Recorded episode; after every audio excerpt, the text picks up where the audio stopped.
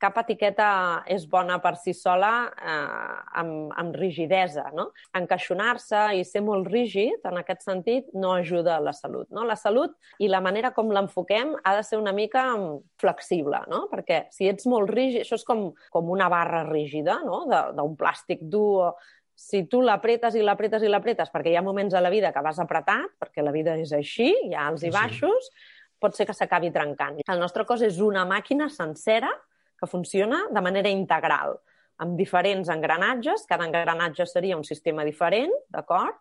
Una cosa és el sistema digestiu, l'altra és el locomotor, però en realitat, si un engranatge té problemes, acaba repercutint als altres perquè justament és un engranatge. Al nostre cervell li flipen les rutines, perquè ens dona una comoditat, això, no? Però el que, el que és veritat és que al nostre cos el que li va millor és uh, la varietat. Escoltar el nostre cos i fer allò que és més natural possible i el que és més natural possible és menjar de temporada i menjar de proximitat.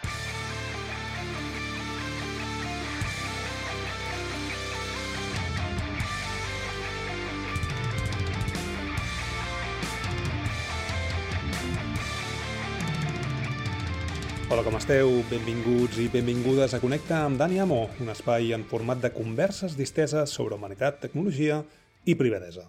En aquest 25è episodi converso amb l'Astrid Barquer sobre esport, nutrició, dieta saludable, emprenedoria i, entre d'altres moltes coses, com cuidant-nos per dins fa que estiguem bé per fora.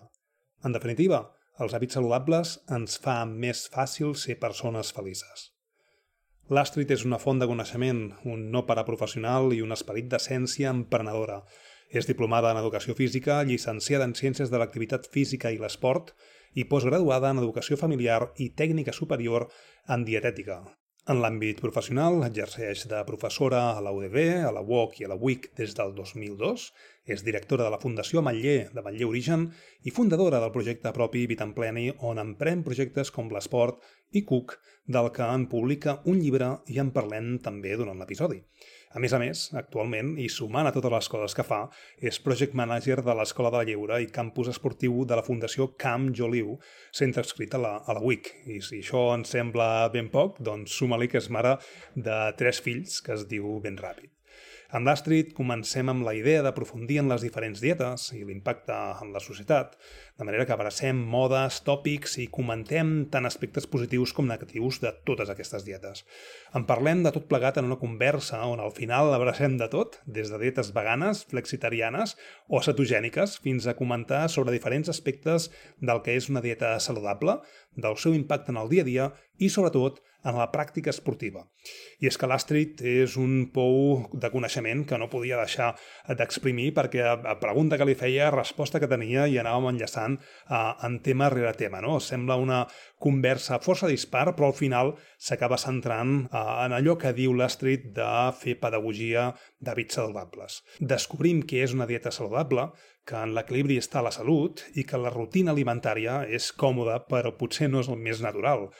També comentem la vessant emprenedora de l'Astrid, els projectes que ha iniciat, els llibres que ha escrit, com són Esport en Cook i Habilidades per a la vida, Família i Escuela, i com ho compagina tot plegat amb una família nombrosa de tres fills. A més, l'Astrid està treballant en nous projectes que de ben segur farem ressò a Connecta amb Daniamo.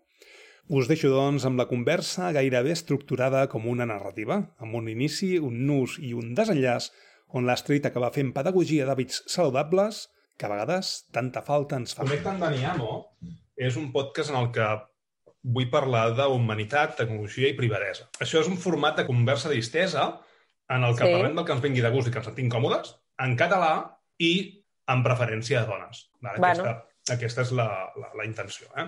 Evidentment, ja m'agrada ser, ser sí, una persona interessant. Això ja, ja està gravant i li podem donar el tret de sortida. Pensa que jo la, la presentació te la faig en la veu en off. Tanmateix, a la Viquipèdia veig que tens moltíssimes coses, eh? Vull dir que... A la Viquipèdia tinc coses, jo? Sí, ets una persona rellevant dins el món de Catalunya i a Viquipèdia no tothom té ah, doncs Viquipèdia. no sabia que estava a la Viquipèdia. A veure, espera, espera, que et Després passo l'enllaç. Busca-t'hi, perquè... Doncs no sé uh, el que hi ha, eh? Ai, Déu bueno, doncs, doncs t'ho resumeixo ben, ben, ben ràpidament, eh? Vull dir, mira, uh, diu que ets educadora física especialitzada en el sector d'alimentació esportiva, No? Clar, perquè, sí, jo sóc... Uh, o sigui, dietista ho soc des d'aquest any, que he Ahà. acabat. Bueno, ara, de Molt fet, bé. estic amb el projecte final. Super. En, o sigui, encara no tinc el títol oficial, vale? per això Mhm. encara no m'atreveixo a posar-ho en lloc, Molt perquè bé. estic ara fent el crèdit de síntesi final, que l'entrego a, a finals de maig, Que guai, i ja ho tindré tot, perquè ja tinc, la, tota la resta ja ho tinc fet i aprovat. que guai. Així tanques el Això no ho cercle. deu posar, perquè encara no... Encara no, encara, encara no.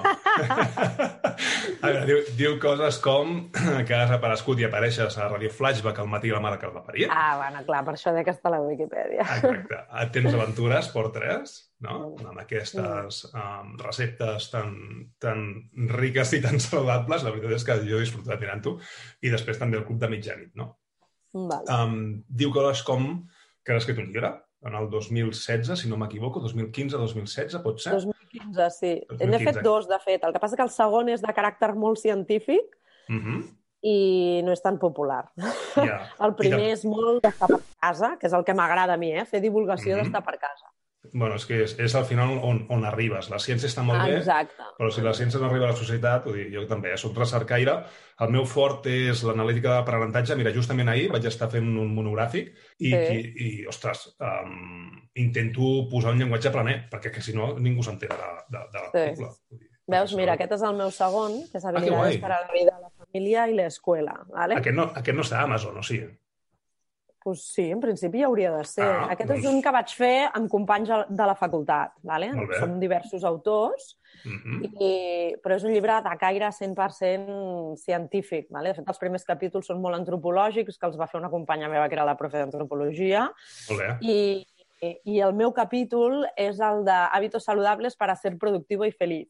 O sigui, Que el guai. que faig és uh, explicar per què els hàbits saludables ens ajuden Mhm. a ser una persona no només més productiva, sinó també a aconseguir millor, millor felicitat. Al final, si tens salut, és més fàcil ser, ser feliç, no? I llavors fomentem això. Però no n'he fet gaire difusió perquè és un llibre molt espès, que si no ets del sector, uh, pot Ja. ser que no t'interessi. Eh? Bueno, però pensa, mira, um, jo tinc un altre podcast que es diu zetatesters.com i allà es, diu zetatesters perquè ho provem tot, des de l'A fins la Z, en, en qüestió de desenvolupament personal, felicitat, eh, esport, eh, portar-nos no al límit, no? perquè com diu l'Emma Roca, el límit és la teva salut, no? és a dir, però, però provar-ho tot... De fet, l'Emma Roca ja, em- ja em va donar l'hoquei ahir de, de trobar-nos i, i ens veuràs per aquí també a, a Connecta Ah, molt bé. És molt amiga Sí. meva, l'Emma. Sí, sí, sí, no, no. De fet, he vist algunes conferències juntes que heu donat i, ostres, Sí. sou... Ara, el, Són el dia 17, cracs. en, el 17 en fem una altra ara juntes. Ah, molt bé. Que xulo. Ah, Non-stop, no? Al final és, sobre és, càncer, sobre i... càncer. Sí. Mira, sobre càncer vaig córrer jo per la Federació d'Entitats contra el Càncer de Catalunya. Uh... pues mira, aquests són els que ens paguen la xerrada. Ah, molt bé. La Molt bé. FSEC. Doncs, ah, doncs 20 la FSEC. Llavors allà Sí. està la Clara. La Clara, dona- Usàs, Sí, la, correcte. me, la meva dona va estar treballant a, amb ella, vull dir, era l'administrativa, i vaig córrer una marató, la del 2016, si no m'equivoco, 2017, potser. Eh? Dir, al final tot, tot, tot queda a casa, no? I tant. I, i, i res, ah, sí, estàvem parlant dels llibres, no? El que volia dir és que no, no està a Amazon aquest, eh? No està a Amazon. Llavors, si, No? si hauria Ja d'estar, ho miraré. si hauria d'estar, tira les orelle- orelles a qui, a qui les hauria de publicar per allà. Sí, això ho, va coordinar un company meu a la facultat, Uh -huh. eh, que bueno, va com... té molt poquetes hores a la universitat ja, perquè Bueno, estava com en fase de jubilació i ens va Mhm. animar a tots. Vinga, va, no sé què. Al final Que això guai. era un contingut d'un màster que donàvem. Uh -huh. era un màster sobre, sobre habilitats i rendiment, Uh -huh. però hi va haver-hi un any que no vam tenir masses inscripcions i no va tirar endavant. Vale? Era un màster molt, molt habitual a, a Llatinoamèrica, però no sé Mhm. per què aquell... hi va haver un any que no va sortir i llavors ens va dir, escolta, doncs, pues, si totes aquestes hores que li, hem de, dedica, que li dedicaríem a la, a la classe, doncs per què no les dediquem en, en posar-ho en un, en un llenguatge més planer i en I- poder fer un llibre, i va sortir Jo- així. I on es pot aconseguir el llibre? Que és... Eh... Ara t'estic buscant perquè jo diria que a mi sí que em va dir que... Ah, clar, perquè, hi clar, en compte, jo t'estic buscant com a autora de Steve Barquer i... No, no, no surto com a autora principal, jo. Surt l'editor. Mira, te'l passo... Uh, Sí. Et passo l'enllaç aquí. Sí, perquè llavors jo les notes del ho programa, a la pàgina web... Ah, fantàstic. Bon jo, dia. Tot, tot això, Molt bé. doncs, doncs ho vaig Sí, posar. sí, tu sí pots. Però ja et dic, aquest cal especificar que és un Mhm. llibre uh, d'un caràcter molt més científic i, per tant, mm -hmm. la gent de carrer, diguem, que és per qui jo habitualment parlo, perquè és sí. el que m'agrada, sí, sí. Uh, no seria el més indicat. Molt bé. Guai. A veure, què posa més per allà a la Viquipèdia? T'ha sorprès, eh, Estari? Sí, sí, sí, sí. Ara, després ho miraré, tinc curiositat. Molt bé, surten fotos teves i tot. A veure, uh, tema emprenedoria, que és una de les qüestions que també, ostres, uh, em fa goig parlar amb tu perquè sé, família numerosa, um, i a sobre emprendre, no? Uh, sí. Esport en Cook, a part del llibre, tens un canal de YouTube, no? On uh, sí, perquè Esport en Cook, sí, de fet, el llibre Esport en Cook ha sigut fruit d'aquest uh, programa YouTube que vam fer, que, que va pagar la marca Natursoy, que és una marca d'alimentació ecològica catalana, de que estan a Castellterçol, que ja té molts anys, va ser de les primeres eh, fàbriques de, de producte ecològic a Catalunya, i es van adonar ells com a marca que, que només estaven venent a vegetarians i en realitat podien vendre a gent que volia cuidar-se que els productes que tenen no tenen per què consumir-los només els vegetarians, Correcte. sinó que els poden consumir les persones que senzillament volen reduir la carn i tenir més opcions, perquè ells mm -hmm. treballen molt amb productes relacionats amb la soja, tofus, etc. Ah, però tenen moltes altres coses també, no? Llavors, volien donar-se a conèixer en un àmbit de gent de salut i moltes vegades el, la salut i l'esport va junt, gràcies a Déu, sí, sí. i, i es volien... I, i, i més amb la pandèmia, eh? perquè ha sigut una bogeria. Sí. Sí, bueno, això va ser abans, va ser el 2014, però es volien donar a conèixer aquí, aleshores va ser quan em van contactar i em van demanar que els hi creés un projecte uh, per fer-se per fer ressò dins d'aquest col·lectiu, no? dins d'aquest target.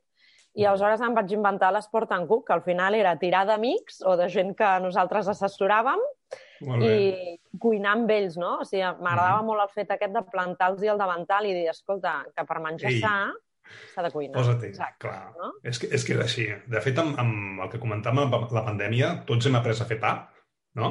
Tothom ha, ha, ha, ha après què és el llevat, com treballar la massa, i penso que d'alguna manera hem tornat una miqueta a les arrels, no? Allò que estava oblidat, o sigui, jo me'n recordo, jo sóc del 78, tu ets del 81, si no m'equivoco, no? Sí. Ens portem res, a, a tres anyets, no? I jo me'n recordo de l'àvia cuinar, de la mare cuinar, um, mm. de fer hores i hores en cuina i sí. això, um, jo com vaig començar doncs, a treballar, això ja s'havia perdut.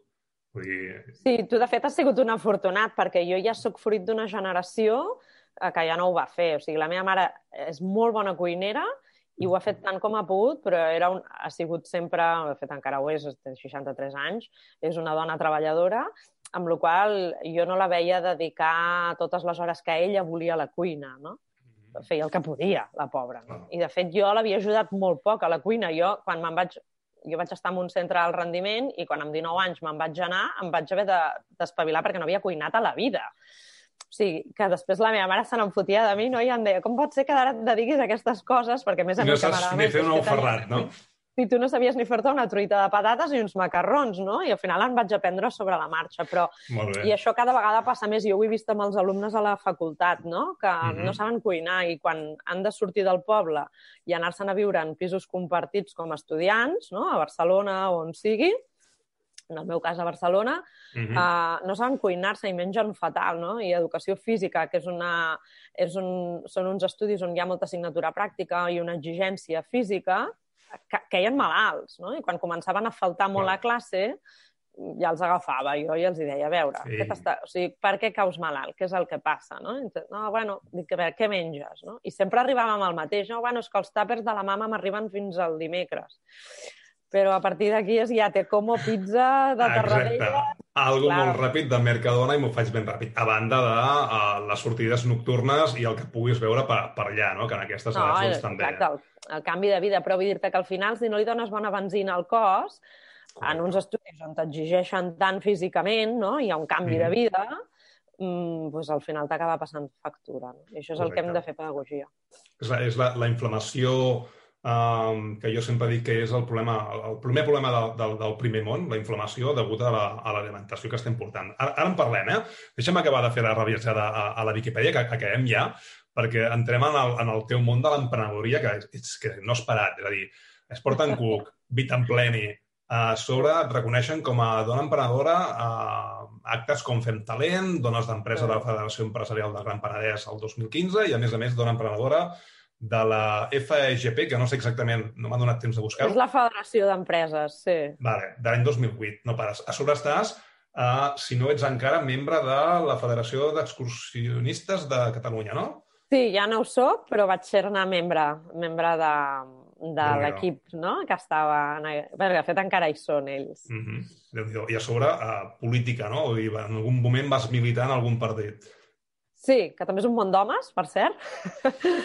Uh, vaig, sí, va haver una temporada quan encara ningú parlava d'independentisme que jo mhm. -huh. hi estava bastant posada i també va venir arrel de l'esport, no? perquè anar al rendiment a nivell federatiu sí que en, en, ens n'adonàvem no? que a Catalunya tenim campions del món en moltíssimes modalitats, sobretot en les modalitats on, on jo sóc més especialista i m'hi he mogut més, que són els esports de muntanya. Uh -huh. uh, I, en canvi, havíem de competir per Espanya, no? Aleshores, tot, uh, això va, va treure'm en mi una sèrie d'inquietuds de veure doncs, que, més enllà del tema polític, ai, perdona, del tema econòmic, uh -huh. hi havia una part d'identitat que els nostres esportistes doncs, eh, no, no, no podien representar-la a gust per, perquè hi havia una mancança. I aleshores Clar. vaig començar per aquí, amb el tema de les seleccions catalanes, etc. i inevitablement això havia d'acabar al Parlament i, i aquí és on vaig acabar, al Parlament, treballant de tècnica d'esports de, del que aleshores era un, un, un partit polític amb poqueta representació, perquè teníem quatre diputats, que era Solidaritat, però eren, eren els primers que van començar, al meu parer, no? a parlar d'independència de veritat. Després tot això s'ha quedat en res, però sí que penso que vam ser la, la mosca collonera que va encendre una mica la flama, no? D'això es tracta, no? Vull dir, al final... I doncs, ara en, en quin punt estem, no? Que veritablement a nivell polític encara no hem aconseguit res, uh mhm. -huh. però a nivell social sí que és una cosa que està en boca de tothom i hi ha hagut moltíssimes mobilitzacions i per tant això penso que tindrà un fruit a la llarga. Ja, ja no és un tema de les creences polítiques, doncs, deixant-les a part, no? Les meves mhm. -huh. són clares ja amb el que he dit, però encara que no creguis en això, mm, com a mínim el que hem de creure és que la gent ha de tenir la possibilitat de representar el país i la identitat eh, nacional Exacte. que se sent. I a mi és això el que em, el que em va cridar, no? Aleshores, mm -hmm. a partir d'aquí, doncs, eh, doncs el que surti en una votació democràtica, no? Però, però a mi m'indignava que no tinguessin l'oportunitat, no? Els, els esportistes de competir en, en, en el país, que, amb la identitat nacional que se sentien. Exacte. No, no, això és a dir, el sentit identitari és bàsic per sentir-te còmode arreu. Vull dir, ja siguis d'un país, d'un altre, d'una nació, d'un estat, del que sigui. Eh? Si no és que no et sents complementat. Et sembla que aterrem ja sobre, sobre el tema, sobre macronutrients, fibra, dieta... De fet, dietes... no sé si ho edites després això o, o ho fiques del jo, tirón, perquè si ho edites aquí sembla... em pots treure coses ja, eh? Jo em sembla que, que ho posaré al tirón. És a dir, uh, no des de l'inici del tot, sinó potser els, els primers minuts me'l salto, però ho poso i després el que faig és agafar petites eh, trossos Tal. teus, els poso a l'inici de tot i després doncs, doncs comencem. De fet, quan et vaig trucar per telèfon, t'estava escrivint un mail super mega llarg, dic, deixa-me-la trucar, perquè és que si no eh, se'm morirà llegint aquí. I vam comentar, doncs, d'atacar, perquè dins de, de la dieta esportiva o de l'hàbit saludable de menjar, no? podíem atacar moltíssimes coses, dir, des de fibra, que és un tema que a mi m'apassiona, quan el vaig descobrir que si no poses fibra en el teu cos um, també acabes malament. És a dir, que tenim aquests macronutrients, no? proteïna, carbohidrats i grasses, però que la fibra és un uh, element super, super important, no? Um, que uh -huh. regula el sucre, aquestes coses. Podríem atacar això també, però vam comentar d'atacar um, doncs, aquestes dietes que s'estan posant de moda, no? És a dir, Correcte. o veganisme, o ets uh, vegetarià, o ets eh, o no sé què, Ara és Exacte. keto. Ara és keto, no? Paleo, Exacte. sí, tot això. O, o la dieta carnívora, no?, del, del saladino. Vull sí. dir que al, al final doncs, és, és encasillar-te amb alguna cosa. Eh? Jo sóc una persona que no és que m'obsessione, però el que faig és, quan provo alguna cosa, m'ho crec al 100%. Jo he passat per dieta keto, per dieta carnívora, no, carnívora no, uh, per keto uh, i per uh, vegetarià i vegà. Però per què? Per, per l'error de conèixer exactament quins són els, el, els efectes, no? I què és allò que em va bé, no? perquè cada persona és com, com diferent. No? Potser algú l'avena li va molt bé i a un altre no. Jo sóc celíac, per exemple, i a mi l'avena um, doncs no em senta bé. Al cap del temps doncs, començo a tenir molèsties estomacals, intestinals, és una miqueta rotllo. No? Llavors, jo ho faig per acabar coneixent com és el meu cos, no? i uh, allò que em va bé, em va bé, i allò que em va malament, doncs, escolta'm, ho llenço a la bessura i ja està. tanmateix, hi ha moltes persones que es posen i diuen no, no, jo sóc vegà, i d'allà no es mouen, tot i que els senta malament. I tampoc l'acaben de, de portar bé, no? Llavors, ostres, en quin punt estem en, en, en això? Hi ha, hi ha com, com molta obsessió, no?, estic veient. Sí, a veure, mm, clar, tu ets una persona que ets curiosa de per si i aleshores has utilitzat aquest mètode que va tan bé, que és l'assaig-error, no? És a dir, vaig a mm. informar-me, el provo, llegeixo no, els símptomes del meu cos eh, mentre estic provant aquest mètode i després eh, decideixo si em, em funciona i per tant m'hi quedo o segueixo indagant alguna altra cosa. No? Jo crec que tots els que tenim una mica d'inquietud hem passat per això i sobretot les, eh, en, en el món de l'esport, els que hem necessitat el nostre cos no? per rendir més i, i poder passar-nos-ho bé amb el nostre cos, que al final és el que fem en l'esport, eh, doncs eh, busquem la millor manera no? de fer-ho i al final jo crec que s'arriba a la conclusió de que cap etiqueta és bona per si sola eh, amb, amb rigidesa, no? I agafes una mica de cada cosa, del que has après amb cada tipologia, val? i acabes muntant la, la, la teva pròpia estratègia d'alimentació. Jo penso que això és l'ideal, perquè al final um, qualsevol mètode d'alimentació està basat en unes bases um, que no poden ser, o sigui, es poden basar en percentils, en dades empíriques, però que al final no tenen per què ser 100% representatives amb el teu propi cos, sinó amb una mitjana de cossos de, doncs, en el nostre cas, de la nació espanyola. No? Però, però cada cos és, és, és un món i no només això, sinó que cada moment és diferent per al nostre cos també. És a dir, no és el mateix no? Nosaltres ara, en un moment de pandèmia, on estem tristos, on estem angoixats, no? preocupats per la situació econòmica, on hi ha menys relacions socials, i això també afecta el nostre, a les nostres hormones i, per tant, al nostre metabolisme. Aleshores, encaixonar-se i ser molt rígid, en aquest sentit, no ajuda a la salut. No? La salut eh, i la manera com l'enfoquem ha de ser una mica mm, flexible, no? perquè si ets molt rígid, això és com com una barra rígida, no? d'un plàstic dur. Si tu l'apretes i l'apretes i l'apretes, perquè hi ha moments a la vida que vas apretat, perquè la vida és així, hi ha alts i baixos, sí. pot ser que s'acabi trencant. Llavors acabes eh, no? a la merda, doncs ara eh, happy meal cada dia i ho fas fatal, Exacte. llavors, no? perquè t'has acabat trencant no? per dins. En canvi, si tu ets de goma en lloc d'un plàstic dur, Uh, el dia que reps pressions, doncs, escolta, avui m'he passat amb això perquè ho necessitava i tampoc passa res i demà ho faré millor i segueixo i segueixo, no? Si no sempre estàs com, bueno, el, el proper mes començo perquè és dia 1 i cau en dilluns. No, al final ho faig el 3 del 3. No, al final, no? Jo, jo m'hi trobo amb assessoraments, no? Hi ha molta gent és dir, aquesta setmana ja ho he fet fatal, bueno, ja comença dilluns que ve. No, no, no, comença demà perquè dilluns que ve Eh, també tindràs alguna cosa que et sortirà, Exacte. perquè sempre n'hi ha d'imprevistos, per tant, el que és important és el cada dia, no? El Will Smith ja ho deia, no, no pretenguis fer un supermur, Exacte. el que has de fer eh, és anar posant eh, tutxana per tutxana. I al final ja et sortirà aquest supermur. Però Correcte. si no et fixes amb les tutxanes del cada dia, que és el que importa, mm, Exacte. mai tindràs un mur. I, I el ciment que els uneix, eh? El que passa que costa moltíssim, perquè tens inputs per tot arreu. És a dir, els anuncis televisius, els anuncis de ràdio d'aquests eh, bífidus, d'aquests no sé què, és a dir, de, de, de certs productes processats, no? No estic dient que el bífidus no sigui bo, eh? Però eh, te'n vas al supermercat, que potser no seria el lloc adequat per anar a, a menjar saludable, tot i que si esculls bé... Però el necessitem, al supermercat. Exacte, vull dir que amb la qual cosa vas, però esculls allò, no? El que passa que tens uns inputs molt bèsties i jo, per exemple, jo he detectat que la llet i l'ou um, no és que em sentin especialment bé. Amb la qual cosa els defujo, no? I tot i que si vaig a casa amb ma mare que em fa la truita de patates, me, me la menjo i de ben de gust, eh? Vull dir, uh, però en el dia a dia, de fugir d'això és molt complex, no? Ostres, uh, tot porta llet. Vas al súper, fins i tot, o sigui, el fuet... El... Llet i farina. Sí. Llet, tot farina... Llet i farina. Llavors, clar, jo soc celíac, hòstia, ho tinc, ho tinc uh, sí. xungo de, de, de nassos, no? I he anat modelant la meva dieta uh, a mitjana doncs, que m'he sentit bé i malament. Sí que t'haig de dir que a mi, quan he sigut vegà, he passat per aquesta etapa de conèixer què és ser vegà amb la vitamina B12, etc etc i tot intentant fer-ho al màxim estricte possible per veure quins són els efectes, vaig descobrir que les llegums ens senten fatal també, És a dir, per tant, ni, ni ous, ni També llegums... perquè ets celíac, eh, Dani? Vale, bé, bé, bé per aquí, no? Les persones que són... Sí, les persones que són celíaques, eh, al final la, la celiaquia és una patologia eh, intestinal, d'acord? Aleshores, aquests intestins patològics no és res greu, tu pots fer vida normal si no menges eh, l'aliment que et fa més mal, que en aquest cas és, és una part proteica, no? que és el gluten, Uh -huh.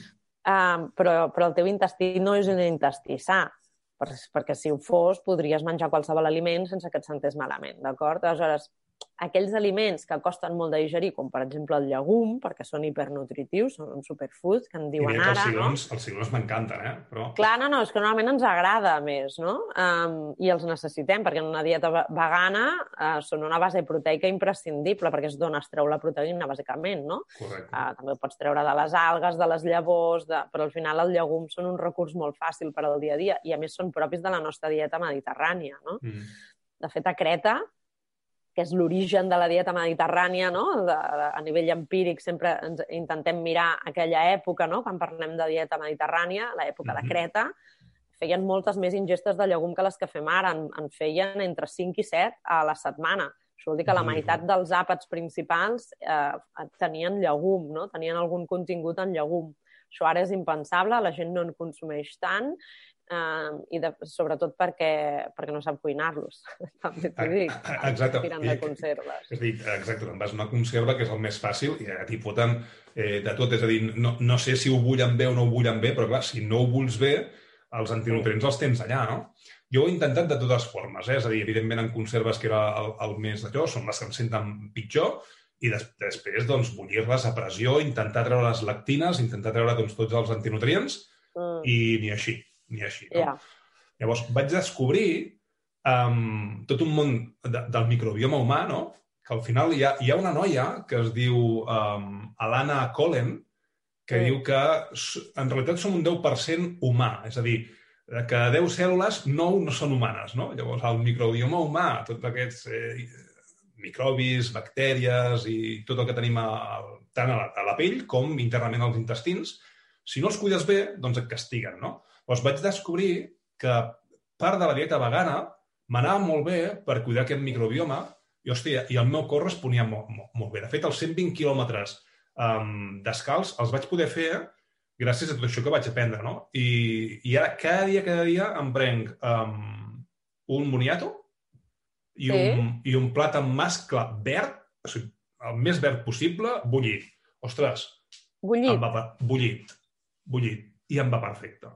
És a dir, yeah. perquè el, el plat amb mascle bullit sembla ser que alimenta molt bé el, el, el, el, un cert microbioma dels intestins, no? Ostres, Mm. I això em provoca uh, un xute d'energia i que a sobre doncs, tingui l'estómac l'estómac bé, no? I continuo menjant carn, continuo tal, però ou, llet i el que hi és dels llegums, tot això, doncs, ho intento treure. Què passa? Ostres, tens dues nenes, tens una dona que, que està posada en, en, en temes nutritius, eh? però que tampoc eh, està al 100% i obres la nevera i veus iogurts, natilles, eh, fuet, no sé què, i clar, la tentació és molt bèstia, no? Eh, no, hi, no hi caic, no?, perquè sé quins són els efectes de, de menjar no sa eh, i sé que m'afectarà en el rendiment. De fet, eh, del 2016 al 2018 vaig tenir molts problemes i moltes, curs, moltes curses, un, tres curses les vaig haver d'abandonar. Un, un bastions, sí? Mm, uh, que es fa per allà Coll de Núria, companyia i tal, vaig haver d'abandonar el quilòmetre 50 dels 90 i pico um, per problemes estomacals i per molt de fred. O sigui, el, el fet de no menjar bé eh, em provocava que... El... me- Digue'm? Va junt. Va, ah, va junt? Vale, doncs... Clar. No, no, Sí, hem d'entendre el cos, Dani. Mai ha regulat Sí. bé la temperatura.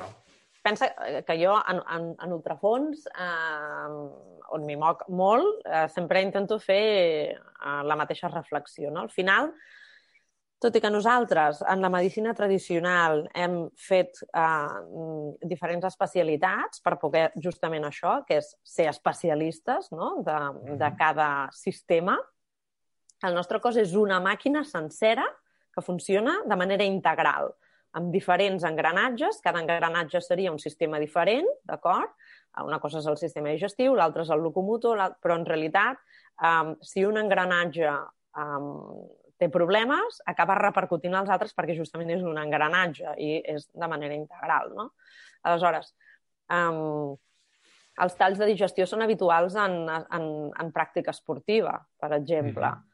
I, I dius, ostres, què té a veure ara la meva digestió? Doncs hi té a veure molt, no? Perquè al final el volum sanguini que tens al teu cos ha de fer mm -hmm. diverses funcions alhora no? mentre està mantenint la respiració, està fent una digestió si fa poquet que has menjat i, a més, ha de proveir de minerals i d'oxigen al teu sistema locomotor perquè segueixis fent aquesta activitat física que estàs fent. No?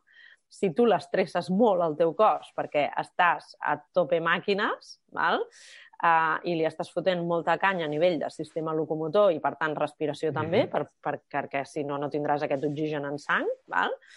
Uh, al final el volum sanguini diu, bueno, uh, si jo ara m'haig de concentrar en això, uh, no puc també concentrar energies en el sistema digestiu. Val? Em puc repartir si l'exigència és moderada, però si l'exigència és molt alta, al final tiro de prioritats. Quina és la prioritat? Tu ara m'estàs demanant córrer, doncs a, a proveir a, a aquests músculs d'oxigen i minerals. Per tant, volum sanguini concentrat en sistema locomotor i perds volum sanguini en el sistema digestiu. Això fa que et comencis a trobar malament, perquè la digestió es talla, literalment, es para, val?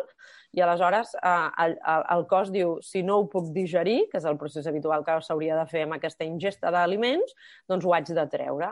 I depèn de quin moment del procés de digestió estàs, o tens marejos i ganes de vomitar per extreure-ho, no? perquè el cos es satura i diu, com que no puc gestionar-ho, fora. fora o descomposició, que això és molt habitual. Jo, que, que, que sóc del món del ciclisme, eh, quan em miro al Tour, sempre el realitzador hi ha algun moment que ha de canviar ràpid de càmera perquè hi ha algú que allà al marge, corrents, es baixa Hòstia. i té una descomposició brutal. I això és molt habitual en llargues distàncies, també. Però vale. és el mateix, no? Al final, el cos el que busca és evacuar el mm -hmm. que uh, no pot gestionar, d'acord? Que el cos, la, la, la digestió ja està massa avançada i no ho pot evacuar, doncs potser on et quedaràs sense volum sanguini és en el cervell. I, per tant, el cos què farà? Desmaiar-se. Perquè el cos està dissenyat... El cos és una màquina perfecta si tenim la sort de néixer sense patologies, d'acord? Passa que mm -hmm. a vegades ens costa entendre'l, no? I respectar els seus ritmes, d'acord? Però el cos està perfectament dissenyat. Llavors, quan tu no tens prou volum sanguini al cervell, i és imprescindible per mantenir-te actiu i viu, doncs el cos es desmaia perquè així sap que en posició horitzontal, quan et desmaies caus, el retorn de sang en el cervell és, millor, és més fàcil per un tema de gravetat. Mm -hmm. Val? I no pots Quasi, això... Correcte. Val? I alhora, el mateix passa amb el tema que em deies de l'hipotèrmia, no? que vas tenir molt fred. Doncs va relacionat. En realitat, el, tu li estaves exigint massa al teu cos, val? i això és molt habitual en, mm -hmm. en ultrafons i en, en curses molt llargues, val? i aleshores aquest volum sanguini no podia estar en la teva dermis, que la pell és l'òrgan més gran de tot el cos, ens, eh, és, té molta exigència, val? per poder fer aquest efecte tèrmic i que tu no agafis fred. Val? Llavors, com que estava concentrat en el teu locomotor respiratori o potser en la teva digestió, que estava sent eh, dificultosa, doncs no podia estar fent l'efecte tèrmic a la dermis. Per tant, tenies fred. Vale. Pues I això passa també quan... Entens, no?, com funciona? I sí, això passa sí, sí, també sí. quan allò que ens deien les nostres mares, no? No et banyis ara que, que estàs fent la digestió. Doncs és cert, no? Realment, si tu estàs a una temperatura externa a la platja, a ple sol, a l'estiu, de, no sé, 35 graus, val? Mm -hmm. ja? i tu entres a l'aigua, que a l'estiu deu estar uns, no sé, 24 graus, per dir alguna cosa, val? doncs clar, aquest canvi sobtat de temperatura fa que la teva pell de cop necessiti acumular molta sang per fer aquest efecte tèrmic, perquè la teva temperatura interior sempre ha de ser de 36 graus val? 36-37 graus, perquè tot funcioni. Llavors, perquè es mantingui aquesta regulació, la sang doncs, a, a, en, en la pell fa les seves funcions. Però, clar, si tu tenies la sang tota concentrada en el sistema digestiu i de cop vup, la demanes a la pell, pot ser que tinguis això que et deia, no? aquest tall de digestió, i si et dona per trobar-te malament i prou, doncs mira, surts de l'aigua. Però si et dona per desmaiar-te, com us he explicat abans, ja què passa quan et desmaies a l'aigua? Doncs, doncs ets pell. El cos funciona així, per això et dic que... Jo penso que um, les especialitats en medicina han servit per poder aprofundir molt um, i descobrir molt més del cos humà, que és molt complexa, és una màquina mm -hmm. molt complexa, però alhora en, el hàndicap que ens ha portat això és que a vegades les especialitats treballen de manera massa segregada i moltes vegades eh, fet tu que ets celíac, segur que algun símptoma tenies d'algun altre sistema que no fos el digestiu. No? Hi ha molts celíacs Correcte. que tenen problemes dèrmics, per exemple, sí, que sí. tenen una caspa com una cendra al cap... Sí, o, o que tenen... Eczemes. Exacte, eczemes, pell atòmica, mm. tot això és molt habitual en una patologia celíaca. Uh, I el que fas és, fins que no descobreixes que ets celíac, anar-te'n al dermatòleg, anar-te'n al dermatòleg i et donen doncs, cremes per pell atòpica o cremes antibiòtiques, però sempre és um, apòsits externs, quan en realitat el problema focus és un problema intern del teu intestí, però el dermatòleg no en sap d'intestins, en sap de pell. Exacte. No? Llavors, això és el que ha fet, no? I, de fet, els occidentals patim molt d'això, no? De que aprofundim molt en alguns temes, però ens oblidem d'aquesta visió global eh, del cos humà. Penso que a Orient, jo quan vaig estudiar cuina japonesa, em va servir i, de fet, la macrobiòtica i alguns estils d'alimentació tenen aquestes bases, no? Tot el que ells diuen del yin al yang i tot això, que jo al principi era una mica escèptica amb tot això, doncs, potser per la meva no? uh, naturalesa més científica, amb la meva professió, etc. Però al final en vaig aprendre que és cert que hem de tenir una visió més integral del cos humà i que a vegades estem no, amb les especialitats com una mosca eh, xocant contra una mm, finestra i després, no? aquestes medicines alternatives, que en diem, no m'agrada massa la paraula, però són una alternativa, no la veritat és que sí, fan que la mosca faci un vol i digui, ah, mira, però si hi ha la porta oberta allà, no? I dius, ei, que això no ve de la pell, uh, ni del sabó que utilitzes, que això ve de l'intestí, no? Exacte. És, per, una... per seguir amb el mateix exemple. Exacte, agafes la perspectiva. Eh? De, de fet, um, després de, o sigui, després d'aquesta cursa de, dels bastions, ja et dic, eh? en el quilòmetre 30 que estaven les, la, la meva dona i les meves filles esperant-me uh, en el niu de l'àliga, em sembla que era. Um, allà vaig sortir, vaig haver de tornar perquè em descagarrinava viu, vaig anar al refugi i després vaig, vaig continuar. No hauria d'haver fet perquè no m'entrava res a l'estómac i vaig estar 25 quilòmetres a, a alta muntanya, al tros on hi havia més alta muntanya, en dejú, no? Amb la qual Clar, però fixa't, el cos que va fer? Buidar allò que no podia gestionar. Exacte, exacte. I aleshores, clar, tu vas tirar sense combustible, que vas tirar de reserves. De fet, per això els cossos de l'ultrafundista tenen aquesta fisiologia estètica, no? Tu veus dos atletes, un fundista i un velocista, i només amb la seva estètica corporal saps perfectament quin és un i quin és l'altre, no? Quin és quin. Perquè sí. realment eh, moltes vegades es pas, passa això, acabes corrent només tirant de reserves energètiques i, per tant, eh, els ultrafundistes tenen molt poc greix corporal i a vegades també que no vol dir que, que, que no tinguin força, però sí que s'acaben menjant una mica la massa muscular. Sí, val? sí, perquè sí. el cos entra com en una espècie de canibalisme, no? de dir, mm, jo agafo la proteïna d'on la tinc i si ha de ser del meu propi múscul perquè pues, no estàs tires. ingerint res durant 25 quilòmetres, doncs me'l menjo. Jo, hi, ha una, jo, hi ha una pèrdua de massa muscular en, en curses llargues. Totalment. Jo n'estic eh, gordete, eh? Vull dir, però quan faig eh, tirades llargues, que ara començaré un altre cop, quan fa fred, fa molta mandra, eh? Sortim a corrents descalç, però ara que comença ja una miqueta la, la, la calor, per mi ara ja fa calor, uh, acabaré sec de, de, de cara perquè és això, no? És a dir, acabes tirant. Però ja et dic, em vaig passar 25 quilòmetres fins a Pardines a alta muntanya sense menjar res, no? I, i allà doncs em vaig ajuntar. Però clar, allà em vaig plantejar, dir, ostres, com pot ser que el quilòmetre 30, només el 30, després d'haver entrenat tants anys i, i, i continuï tenint aquests, aquests problemes, no?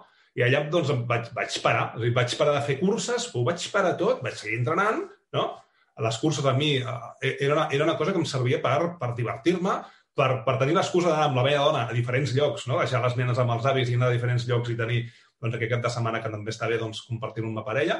No, i tenir I... una meta per la qual entrenar, no? Al final necessitem posar-nos reptes. Correcte. Però fixa't una cosa, Daniel, això és l'efecte de Kilian Jornet, eh? També és dir, només el quilòmetre 30. Ja, Clar. ja, ja, ja, ja. Sí que és cert Déu, que som... Eh?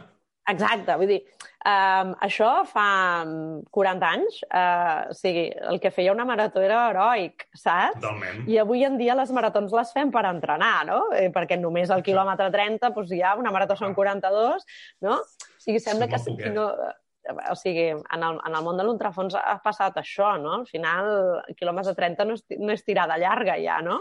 Però clar, 30 quilòmetres no són moco de pavo, tampoc. I aleshores el nostre cos sí que és cert que som uns mamífers dissenyats per al moviment, però també és cert que portem els últims 150 anys no? de la nostra espècie amb una vida cada vegada més sedentària.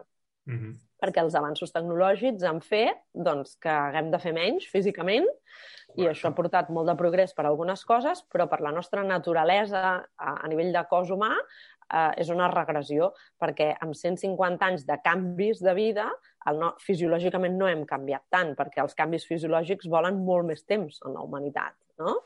Uh, aleshores, clar, som un cos dissenyat per al moviment que ens movem molt poc, però ens passem tota la setmana asseguts davant d'un ordinador, no? en les nostres feines, tu i jo, Dani, i després al cap de setmana ens casquem 5 hores o 6 o 8, no? Clar, pen pensa un moment en mentalitat de cos i digues, home, doncs potser no són només 30 quilòmetres, potser si em tiro tota la setmana assegut, només puguem anar a fer eh, doncs jo què sé, 12 o 15 d'entrenament, dos, tres dies a la setmana, doncs, doncs, doncs 30 ja són el doble, no? Llavors, eh, també eh, ser conscients d'això, no? que, que li estem fotent molta canya al cos i estem fent mm. esports de llargues distàncies eh, i que 30 no són només, sinó que hi hagi una bona d'allò.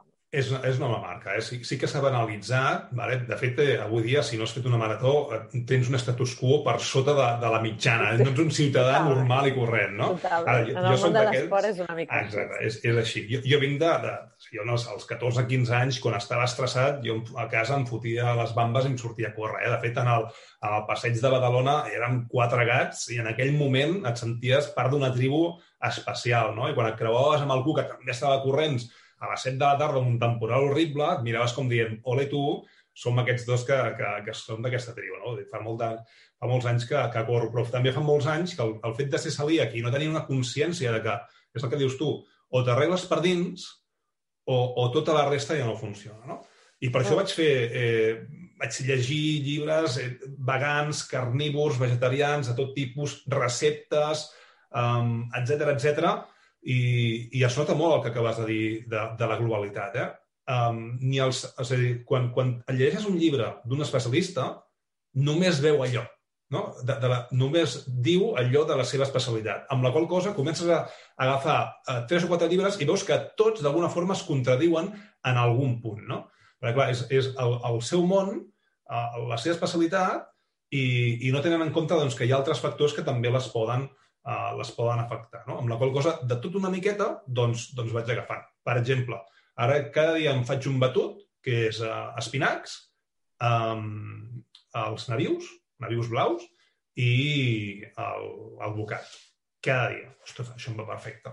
Entre el moniato i el, i, i el plat amb mascle i aquest batut, ostres, el, el meu cos s'ha arreglat moltíssim. I després, tot l'altre, ostres, doncs, carn o, o additius, no? Uh, d'altres aliments, em refereixo. Eh? També entenc que les persones que som uh, més metòdiques, no? perquè som més organitzats, jo soc una mica com tu, eh? també, vull dir, al final al, nos al, al nostre cervell li flipen les rutines, perquè ens dona una comoditat, això, no? Mm -hmm. Llavors, uh, clar, tu, per exemple, no? estàs fent coses a diari, estàs esmorzant cada dia això i et senta de meravella, però en re... i és més còmode per nosaltres perquè ja no hi hem de pensar, vull dir. Exacte. Però el que, el que és veritat és que al nostre cos el que li va millor és uh, la varietat. Val?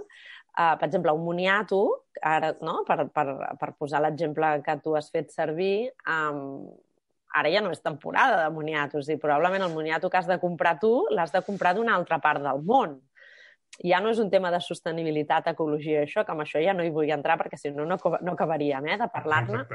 Però sí que és cert que si ens anem als nostres orígens i ens fixem en la part més natural, um, el nostre cos estava dissenyat per menjar-se allò que es trobava als seus voltants. Per tant, uh, no trobava plàtans i no trobava boniatos si no era època, no? Aleshores, això crec que forma part també no, d'aquesta mm, mentalitat occidental i potser més de ciutat que tenim, no? que les nostres vides són tan boges, amb aquesta voràgina que volem, perquè tenim molta inquietud i molta set de fer coses i en fem moltes, pues que si hem trobat una cosa que ens va bé, la mantenim durant molt de temps. I així no hem de pensar que és de temporada, que no, que ets de menjar a l'hivern, que ets de menjar a l'estiu, a la primavera o a la tardor, no? Però la realitat és que el nostre cos no vol el mateix sempre, vol una varietat de nutrients, no? Mm -hmm. I això passa quan tens, eh, quan tens aquestes etiquetes, no?, que tu deies. Jo he conegut, nosaltres ens hem especialitzat en, en esportistes vegans i vegetarians, i, i n'he conegut a molts que no estaven sans, malgrat ser vegans i vegetarians. No? Moltes vegades s'associa aquesta etiqueta a salut, uh, però no té per què. És a dir, tu pots ser vegetarià i inflar-te de pasta i tenir un intestí superinflamat per un excés de gluten i de refinats i, mm. i tenir problemes hormonals per culpa d'això, no? És a dir, al final el que ens serveix al nostre cos són no, les bases i les que vaig a dir ara no, no, no ens arreglen res, però són la realitat, la naturalesa és així, no? El que ens ajuda a estar sa és, un, escoltar el nostre cos i fer allò que és més natural possible, val? i el que és més natural possible és menjar de temporada i menjar de proximitat. Això és el que el nostre cos eh, està dissenyat.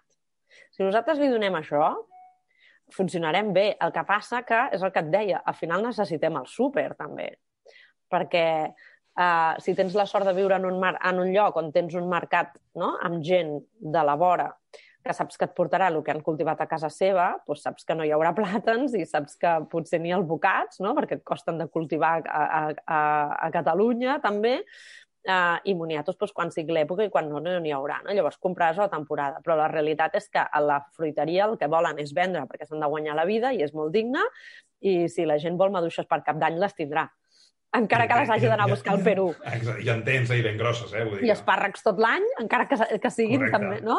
O taronges a, a l'estiu i vindran de Sud-àfrica, no? Correcte. I Llavors, i síndria, ho tens tot.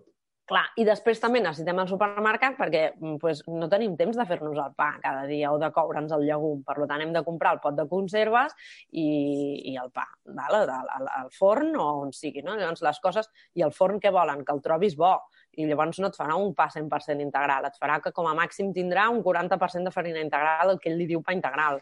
Exacte. I, I, i posarà molta sal. És, no? Exacte. Clar. I sucre.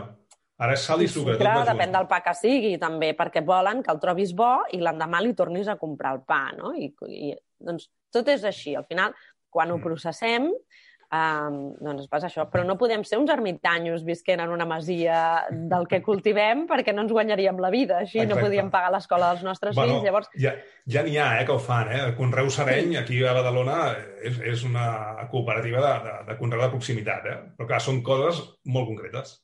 Clar, però als meus fills també els agrada menjar plàtans, Dani, no? Perquè també necessiten aquest sucre i a mi també Correcte. em va molt bé endur-me'l a, a la tirada llarga de la bici perquè té un envoltori natural clar. formidable, el pèl m'omplís i me'l menjo. No? Doncs, bueno, sense obsessionar-se, però sempre no perdent aquesta base, que és el que ens ajuda a estar sec, és dir, el nostre cos està dissenyat per menjar allò que és més natural possible, per tant, com menys processats millor, i allò que és de temporada i de proximitat, perquè jo no estic dissenyada per menjar-me cada dia pinya perquè el meu clima no necessita pinya cada dia, perquè no suo tant, no, no, no tinc aliments, tant, no? no tinc papaies, no tinc cocos, no tinc tanta fructosa al meu voltant i, per tant, no, no necessito tant un diurètic com la pinya. Mm -hmm. M'explico? Al final, la natura ja està equilibrada, però clar, nosaltres ens ho carreguem processant-ho, extraient coses, no? Tot el, tot, tot el que mengem està refinat, cada vegada menys integrals, no? Això que deies de la fibra, tu, no? Mm. Uh, portant les coses de l'altra punta del món. Llavors, clar, ens carreguem tot aquest equilibri natural i això és el que ens està fent enmalaltir. Mm -hmm. No, bueno, és que... Per tant, el... ser macrobiòtic, ser vegetarià, o sigui, no vol dir estar sa, val? Uh -huh. vol dir que Tens una sí que demostres X. que has tingut certa inquietud uh, en el tema de l'alimentació i, per tant, t'estàs uh, buscant la vida no? en aquest sentit i estàs descobrint coses, però per, per més etiquetes que tinguis, si tu no menges de manera equilibrada, no estaràs sa, perquè pots ser un vegetarià, no menjar res de proteïna animal, no? o, en el cas d'ovolàcteo vegetarià, per exemple, només menjar làctics i, i ous, però, però no, no menjar-te l'animal, mm -hmm. sinó només el seu fruit, um, però no està fent prou de quantitat de proteïna, amb la qual et lesionaràs, tindràs dolors musculars i, per tant, no estaràs sa, també. Val? Mm. Llavors, les etiquetes no, no s'associen directament. Ahir llegia un article que deia que el, el país que tenia més vegetarians del món és la Índia. Bueno, però per, per què? Per, perquè és que... Perquè Per religió. De... Exacte. Per religió. I el segon és Israel. També són per creences um, religioses, no?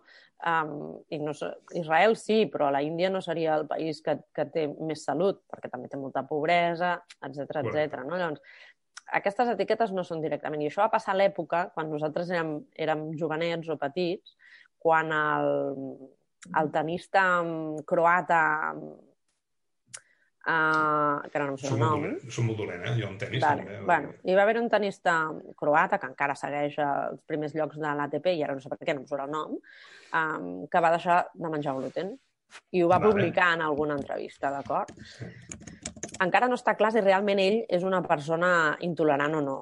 Però el cas és Vale. que la gent va començar a deixar de menjar gluten perquè si amb, amb aquest li funciona, doncs jo també ho vull provar.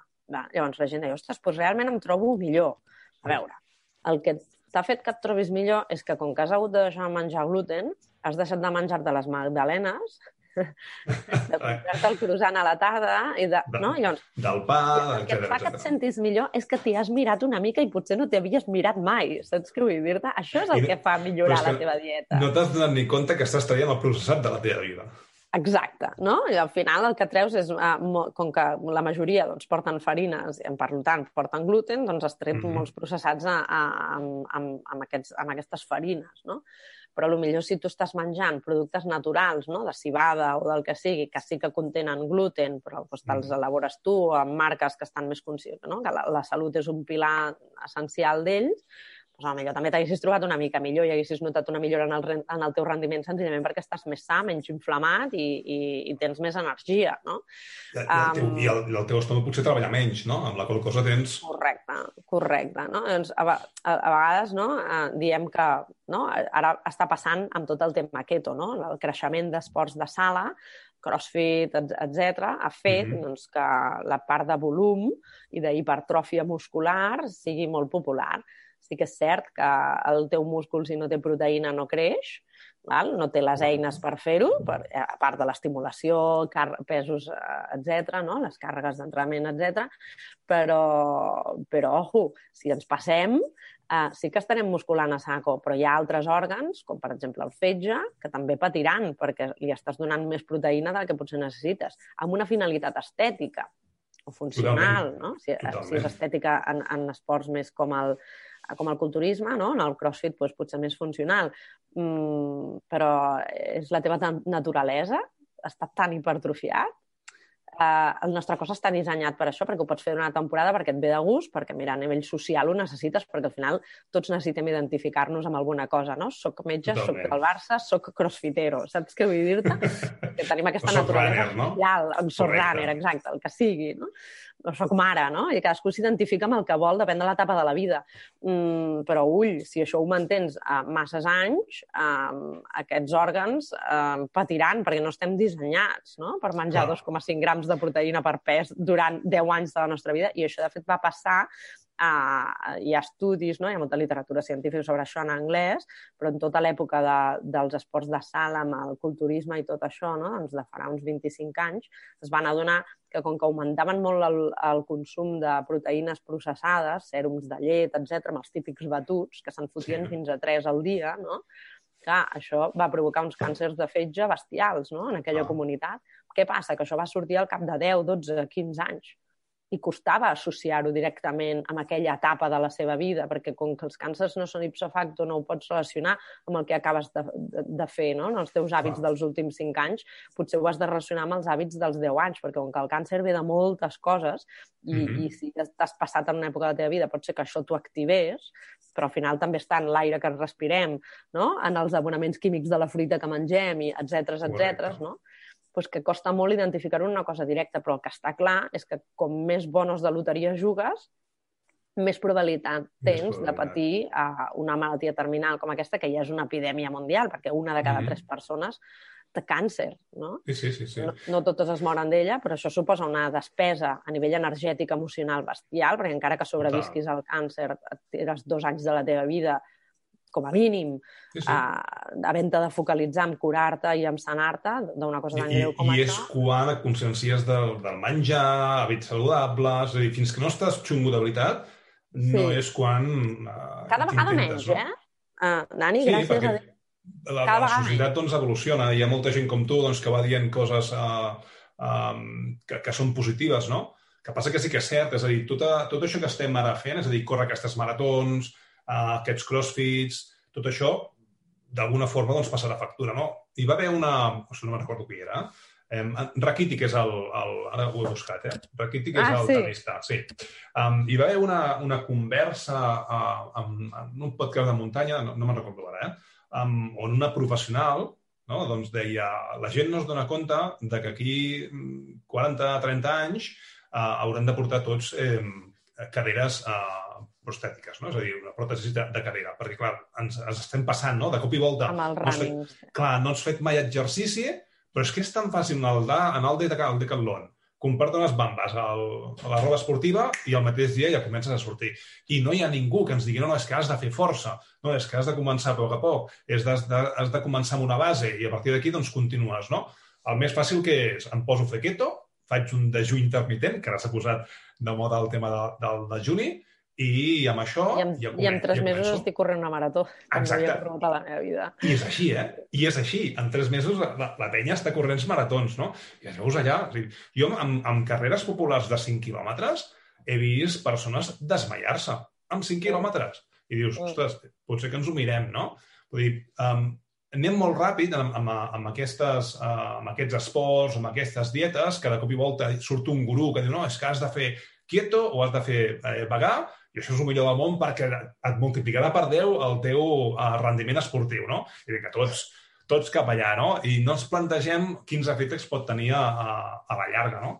I, Més que gurú, um, cada vegada més, es, um, fins i tot divulgadors de carrer, que en dic jo, no? que, que personatges Mhm. doncs, com jo, que, que ens dediquem a, a, a explicar salut per, per qualsevol persona, encara que no tingui una base científica. Eh? Però um, passa això, no? Ara doncs, soc metge, estic especialitzant-me en tot aquest tema i descobreixo que, que la dieta sense carbohidrats, és un exemple, eh? Uh, funciona molt millor, no? Amb un carbohidrats reduïts. A veure, uh, sempre ha passat això, Dani. O sigui, ara estem descobrint algunes coses, llavors això és com l'auge, vale? i estem a dalt de tot d'aquesta corba on ara no podem menjar mm, més de no sé quants grams de carbohidrats al dia, dejunis intermitents, um, què és el que puc esmorzar perquè no em faci sortir de cetosis, no? tot això. Però després ho equilibrarem i direm, bueno, nos estábamos pasando. Sí que és veritat que portem molts anys menjant massa carbohidrats i sobretot carbohidrats de mala qualitat, no? extrets, no? refinats, um, no integrals, no? per tant, molt cereals... processat, exacte. Vale? Això és cert. Ara, d'aquí a que no mengem gens de carbohidrat, doncs eh, és aquests extremismes que després es van equilibrant. No? Però ara, com s'ha descobert tot això, llavors, pensa, per exemple, a Catalunya tenim una comunitat científica que jo considero que és, és no? nosaltres que ens movem al camp universitari és de bastant qualitat per la merda eh, de, de suport econòmic que té, no? perquè realment a Espanya es dedica molt, poca, molt poc pressupost a l'I+D, però malgrat això penso que tenim una comunitat científica molt honesta, que intenta fer la feina Sí. ben feta. No? Però què passa? Que la ciència no sempre és pública, la ciència moltes vegades és privada. Uh, I això què vol dir? Doncs que necessitem fons privats per fer algunes investigacions. Jo he tingut a les mans, i això t'ho pot confirmar l'Emma, perquè ho vam eh, revisar juntes amb l'Emma Roca, un estudi científic que demostrava les capacitats isotòniques de la cervesa, Dani. Sí, és veritat. Sí, I no, promovia la cervesa. Després va sortir fins i tot una marca que en va fer un producte que no va tenir èxit i el van treure del mercat de seguida perquè no va ser Exacte, rentable. ja vaig dir, va ser- això Però ja hi havia un colmo. estudi pagat i va, per tant hi va haver uns científics que van estar estudiant amb uns esportistes a qui els donaven cervesa um, uh, com a isotònic, no? I dius, a veure, és obvi no? que té una aigua, té un líquid, té una part Correcte. mineralitzadora perquè està feta de, de, de malt, no? de cebada de malta, etc. Però, mm, però no, no, el, el que no et deia, l'estudi no estava mal fet, en el sentit de que hi havia una part Ah. que, òbviament, era isotònica, però uh, hi havia alguna frase que havien de, de treure de tant en tant per allà que deia, bueno, eh, sense alcohol, no, bueno, 0-0, perquè clar, el que no et deia era els efectes que l'alcohol podia tenir post-activitat física, m'entens? Llavors, no és que l'estudi estigués mal fet per la capacitat isotònica de la cervesa, és que no t'ho explicaven tot. Perquè després calia veure calia veure quin era l'efecte que tenia l'alcohol no? en sang, en, en un procés de recuperació post-activitat física, i calia veure, uh, moltes, i calia veure també si realment era el millor isotònic. Fèiem comparació amb altres isotònics? No, no en fèiem. No? Aleshores, um, la ciència no és que digui mentides, és que a vegades no pot dir tota la veritat, perquè en aquest cas l'estudi crec que el pagava l'Associació Espanyola de Cerveceros o alguna així. No? Llavors, qui està mm. pagant aquesta ciència? No és que el científic no sigui honest, no? És que a vegades necessita que, fons no? per investigar algunes coses. Llavors, la ciència eh, que paga l'empresa privada no? o les entitats que en el fons tenen, eh, necessiten un, un retorn de tot això, siguin fundacions o sigui el que sigui, que al final necessiten potser eh, un retorn d'alguna manera, mm, doncs fa que, que tu d'aquella investigació n'hagis de treure alguna teoria que es pugui vendre o algun producte que es pugui vendre per treure'n un retorn. No? Llavors, Totalment amb això vull dir que ara està com molt de moda dir no, no, és que no hi ha literatura científica que demostri això. A veure, és que no hi haurà cap literatura científica que et demostri eh, que et va bé, jo què sé, l'aigua amb llimona perquè ningú vendrà aigua amb llimona i a ningú li interessa estudiar això, saps? Exacte. Però això no vol dir que no vagi bé i que tu no ho puguis provar assaig-error o que ho hagis de demonaitzar. Això l'únic que vol dir Exacte. és que tu has de dir mira, a mi és una cosa que em va ensenyar la meva àvia, a mi em funciona, i, per tant, assaig-error eh, està bé, sé quin, quins hàndicaps té, no? que en aquest cas doncs, és un àcid cítric que pot eh, ferir l'esmalt de les meves dents, per tant, em rento les dents després de prendre-m'ho, però has de saber que no hi ha eh, sustentació eh, científica d'això, perquè no hi ha literatura científica, perquè ningú hi ha dedicat calés a fer-ho. Punto Correcte. pelota. No vol dir ja que està. estigui malament, vol dir que no s'hi han dedicat calés a estudiar-ho. Correcte. El que passa que estem en una època, eh, en una edat o era uh, científica, i et surt el típic cunyat que et diu és que mi funcionismo, és que clar, és que mi funcionismo és el que funciona, perquè és, és, és el que dius, no? És a dir, com que no hi ha cap... Uh, I això ho veiem nosaltres dins de, del fetatesters.com, que tenim un, un canal de Telegram, tenim aquelles persones que són absolutament científiques, que si no hi ha un article que et digui que allò funciona Clar. tal i qual, doncs no va, i aquells que diuen mi funcionismo, i ja tenim les dues etiquetes, no, no, jo ho faig perquè mi funciona. Jo sóc de muy funcionismo. I tant, i tampoc, no? És el que dèiem. Vull dir, tots els uh, extrems uh, són exacte. dolents has de, has de buscar equilibri, no? Ostres, jo la veritat és que l'assaig i error amb el meu propi cos a mi és el que sempre m'ha funcionat, perquè al final... Però passa que, que aquest assaig i error el bases en coses que ja han estat provades i demostrades. Correcte. I llavors, Correcte. a partir d'aquí, tu ho proves i, i, i ho vas fent, no? Sí, perquè la, la, tot, la ciència és estadística, al final. I si sí, tu estàs dins d'aquesta estadística, vas molt bé. Si estàs fora, doncs hauràs de començar a eliminar i anar, i anar provant coses i encaixar-te. Correcte, és el que dèiem al principi, no? Al final el teu cos pot estar per sobre o per sota d'aquell percentil estudiat. Exacte. I si tu fas a rajatabla el gram per gram, ja sé que seria més còmode per nosaltres, no? Dir, no, quin Correcte. és l'aliment que haig de menjar cada dia? Per... No, és que no n'hi ha cap. O sigui, la gràcia és tant que tu vagis variant. I en aquesta riquesa nutricional és on el teu cos tindrà diferents eines que podrà emplear per a les necessitats que tinguis, perquè hi ha un dia que faràs 20 quilòmetres i tens unes necessitats i un altre dia hi haurà la humitat no sé què, la contaminació no sé quantos o la pressió no sé què, que farà que els mateixos 20 quilòmetres tinguin unes altres necessitats. Per tant, no hi ha una regla quadrada bàsica. Ja sé que ens solucionaria la vida que, si, que així fos, però la, la vida és més complexa que tot això, hi ha moltes variants i hem de ser aquesta flexibilitat que et deia al principi. Mm -hmm.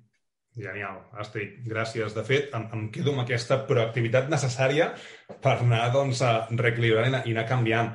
I amb això, eh, tu n'ets experta perquè ets mare, i per anar acabant, eh, que portem aquí ja ha, hi ha una hora... Una hora i, xerrant. I, exacte, i tenim també altres coses a, a fer, no? Um, ets mare de família numerosa, emprenedora, has escrit dos llibres, uh, dones classes, uh, fas moltes coses. És a dir, aquest, aquest equilibri, uh, sí. com, com l'aconsegueixes? Això ha de ser una sincronia molt bèstia amb la teva parella, no? Sí, sí. La, la, la clau principal és que, um, és que el meu marit um, sap amb qui es va casar i sap que sóc una persona activa ja des que Esto em va conèixer. No? Sí, ell no ho és tant i aleshores doncs, uh, no ha de renunciar a tantes coses, no? per, sobretot amb el tema de la casa i els nens. Uh -huh. Um, ens organitzem molt bé perquè fem setmana per ell, setmana per mi, aleshores uh uh, jo sé que la setmana que és uh, per ell ja no m'hi poso res i per tant puc estar 100% dedicada als nens i quan ell té tampoc és que no ens veguem, eh? quan ell no té coses cada dia, llavors fem aquesta vida de parella, no? però ah. ens sabem organitzar així eh, i després també eh, jo sóc hiper, hiper organitzada, però molt alemana en aquest sentit, no? I mm -hmm. faig, fa, o sigui, soc molt d'horaris, renuncio a moltes coses, eh, me'n vaig a dormir molt d'hora, em llevo molt d'hora, sé que no sé de l'actualitat dels programes de lleure de la televisió ni res de tot això i he renunciat, però perquè me'n vaig a dormir molt d'hora, eh, perquè després el dia em condeix molt més i jo sé que a partir de les 9 jo ja no sóc persona i no valc per res, no? Bueno, al final renuncies a coses, eh? Està clar, jo no sóc de la cultura del cafè, no? Anar a fer un cafè, anar a fer amb els amics, això. No, jo amb els amics hi quedo per anar amb bici, per anar a fer excursions amb els nens, o per anar, no? I utilitzo el meu temps de, de manera diferent, perquè al final tots tenim 24 hores, no? I, i, i també cal dir-ho, um, perquè és just que així sigui, si vull ser sincera, doncs que a vegades he hagut de, de renunciar a coses que, que, que no haguessin hagut de renunciar, però ja t'ha passat la vida que no et pots organitzar millor i això ha suposat sacrificar doncs, temps lliure social, i no és bo, eh? no és saludable fer-ho, però a vegades ho he hagut de fer, i a vegades també doncs, a les nits, no? I aquest és el meu punt feble, que a vegades he tirat molt de llevar-me massa d'hora eh, per poder fer la feina i dormir massa poc. Llavors, amb el temps vas aprenent, ara que ja eh, aquest any ja en faré 40, vaig aprenent que potser ets dedicar sí a menys coses, encara que el meu cap tingui ganes de fer-les, doncs per poder invertir en salut, no? Perquè, malauradament, a mesura que ens anem fent grans, anem notant que, que ja no pots tirar tant de la màquina i que ens hem de començar a cuidar, no? Que vas més cansat. Um, però la veritat és aquesta, tots, eh, tots tenim un dia de 24 hores i al final si mm. vols fer més coses d'un àmbit o d'un altre, no? en el meu cas ha sigut més doncs, això, no? família i feina, n'he renunciat a d'altres, no? Jo, des dels 22 anys que ja no competeixo pràcticament, per exemple, perquè em suposava una inversió de temps molt bèstia i, doncs, mira, em va, em va interessar més en aquell moment, doncs, eh, enfortir la meva part de carrera professional oh. perquè, perquè és una cosa que alimenta molt la meva ànima, no? Em, em realitza molt a mi, la veritat. Mm, I, en canvi, el meu home doncs, és una persona que, que ha seguit en actiu a nivell competitiu i, i, i el tio està molt més fort que jo i ja no puc entrenar amb ell. No? bueno, al final, la vida no? et pesen més unes coses que unes altres i, i renuncies a unes per, per invertir en unes altres. I sí que és veritat que a vegades doncs, eh, les coses que he fet jo doncs, a vegades tenen més ressò doncs, per això, no? perquè surto a molts mitjans, sobretot a nivell català, i uh -huh. m'han donat premis i aquestes coses, Uh, però també és veritat que a nivell intern no, la, el, el, el meu cap a vegades pensa joder, t'estàs donant bases uh, de salut que a vegades ni tu mateixa pots complir i em sento una mica hipòcrita, no? Llavors, tenc, també bueno, tenim és... aquesta aquest um, diàleg intern, no?, de dir, a veure, un moment, no pots, el, el tant, no, pots no? no predicar amb l'exemple, para, digues que no a coses i dedica't a tu. Clar, el que passa que a vegades és impossible, eh? Vull dir, jo sóc, sí. t'entenc perfectament, eh? Jo m'aixecava a les 4 i mitja del matí, cada dia, eh? per mm. poder anar a córrer la muntanya, estar amb la família i, i tal i qual, eh? Però hi ha, és a dir, hi ha coses que o, o dissemines, no?, o fas difusió de les sí. coses o les apliques en la teva vida. El que passa que tot és, és impossible. I també he après que hi ha etapes, saps? És a dir, sí. ara, per exemple, jo, els meus fills tenen entre 12 i 5 anys, no? Estic en, els tres estan en aquest període, i ara visc en un molt bon moment perquè ja no tinc bebès que em, que em robin tantes hores, no? El petit Clar. és molt més autònom i el gran encara no és un adolescent que em faci ballar massa. Aleshores, això també em permet disposar de més temps lliure per mi. I, en canvi, hi ha moltes coses que estic fent ara que hagués volgut fer quan el meu nen, ten, el més petit, no? tenia un any i mig, i era inviable totalment perquè encara no dormia a les nits, per tant no descansaves, per tant no rendies igual, no? I, i amb el que a mi m'hagués agradat que m'ho diguessin com a consell, no? Per això sempre ho explico, de dir, bueno, ara no puc, no vol dir que ja no ho faci mai més, vol dir que ara estic en una temporada on no puc, no passa res, ho farem més endavant. Exacte. I a la vida hi ha etapes i hem de ser flexibles, no? I no desmoronar... I sobretot, no?, que les dones ho fem molt, això, Dani, de el pes de la culpa que portem a darrere i ens anem carregant una motxilla que només ens aixafa i no ens permet caminar endavant mm. per culpa d'aquest pes que portem al darrere. I no, no hem de sentir culpa ni frustració. És senzillament un, una pausa, un KitKat. Ja vindran temps millors, Correcte. segueix treballant per millorar-los, però no t'obsessionis si no ho pots fer ara, ja vindrà. Sí, sí, que doncs, s'agraeix moltíssim, eh? Aquestes recomanacions, consells o, o experiència de la teva vida, perquè al final mm. eh, és, és, és així, no? Doncs això és el que ens emportem i, i, és, i és una cosa que, ostres, necessitem aquests models, no?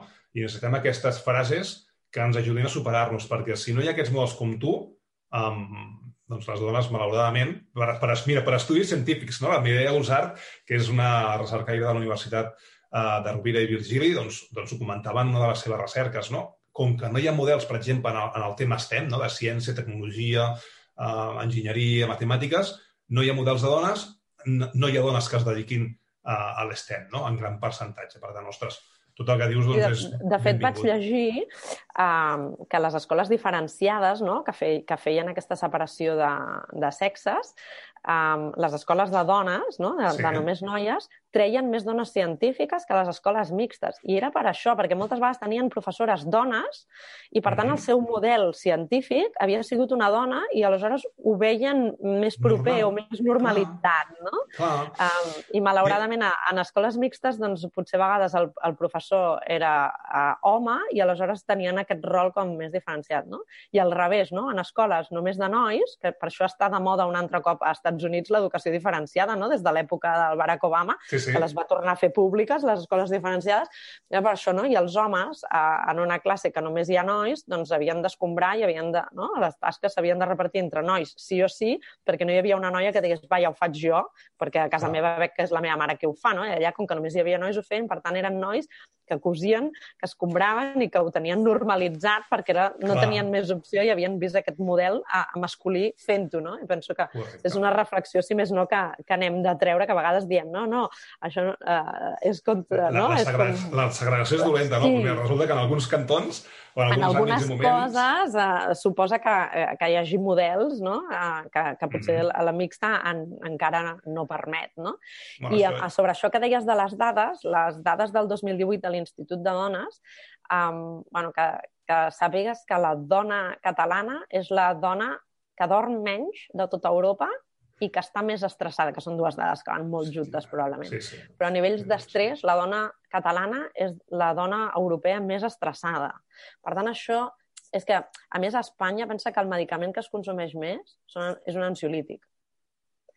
Amb la qual això ja ens dona a pensar que alguna cosa hem de millorar en les nostres vides, val? Exacte, exacte. Uh, i és el que et deia, no? Hem, hem de treure culpes, ens hem de treure frustracions, hem d'entendre que a la vida hi ha etapes i, i també doncs, que bueno, això que deies tu, no? els models al final ens poden ajudar a inspirar-nos, a donar-nos idees, però, però eh, el que jo et deia, no? també tinc un diàleg intern i també tinc els meus problemes alhora que no, todo eso, no és oro todo lo que reluce, que diuen els castellans. No? Exacte. Per tant, no ens fixem en models que, a, a vegades a les xarxes socials o mm, mass media en general només direm lo bo perquè tampoc es, treure, es, es tracta de treure la roba bruta a l'exterior, no? Ah, però que sempre hi ha coses bones i coses dolentes en totes les cases, per tant, ningú no és pitjor que un altre, senzillament Exacte. ho viu diferent.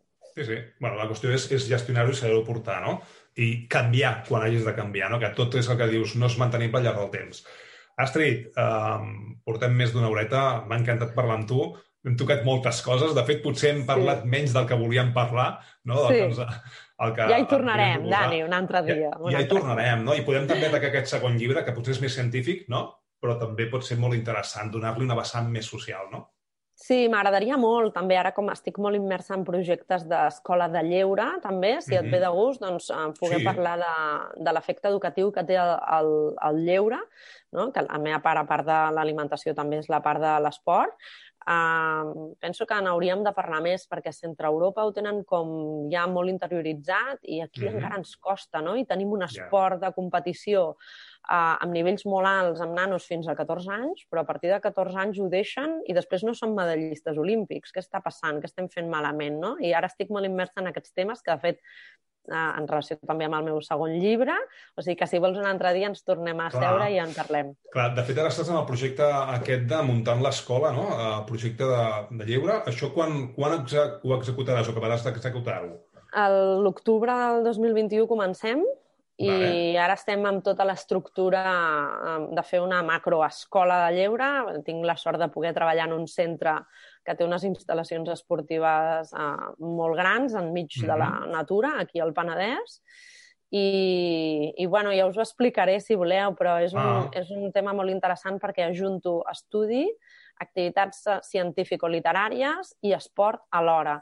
i això em serveix mm, per, per nanos doncs, com, a, com a temps de lleure, no? la que mal dit anomenem extraescolars, sí. però també em serveix amb nanos amb risc d'exclusió social amb un programa intern que tenim. I el, lleure és molt educatiu i aquest tema també és molt interessant, m'agrada molt. molt bé. Doncs no, no crec que esperem a l'octubre i potser l'eslògan del podcast, que és Humanitat, Tecnologia i Privadesa, acabo dient Humanitat, Esport, Tecnologia i Privadesa. Vull dir sí. que, ja, ja és que l'esport és part de la nostra és humanitat. És part, és part. Fantàstic. Gràcies per l'oportunitat, Dani. Eh? A tu.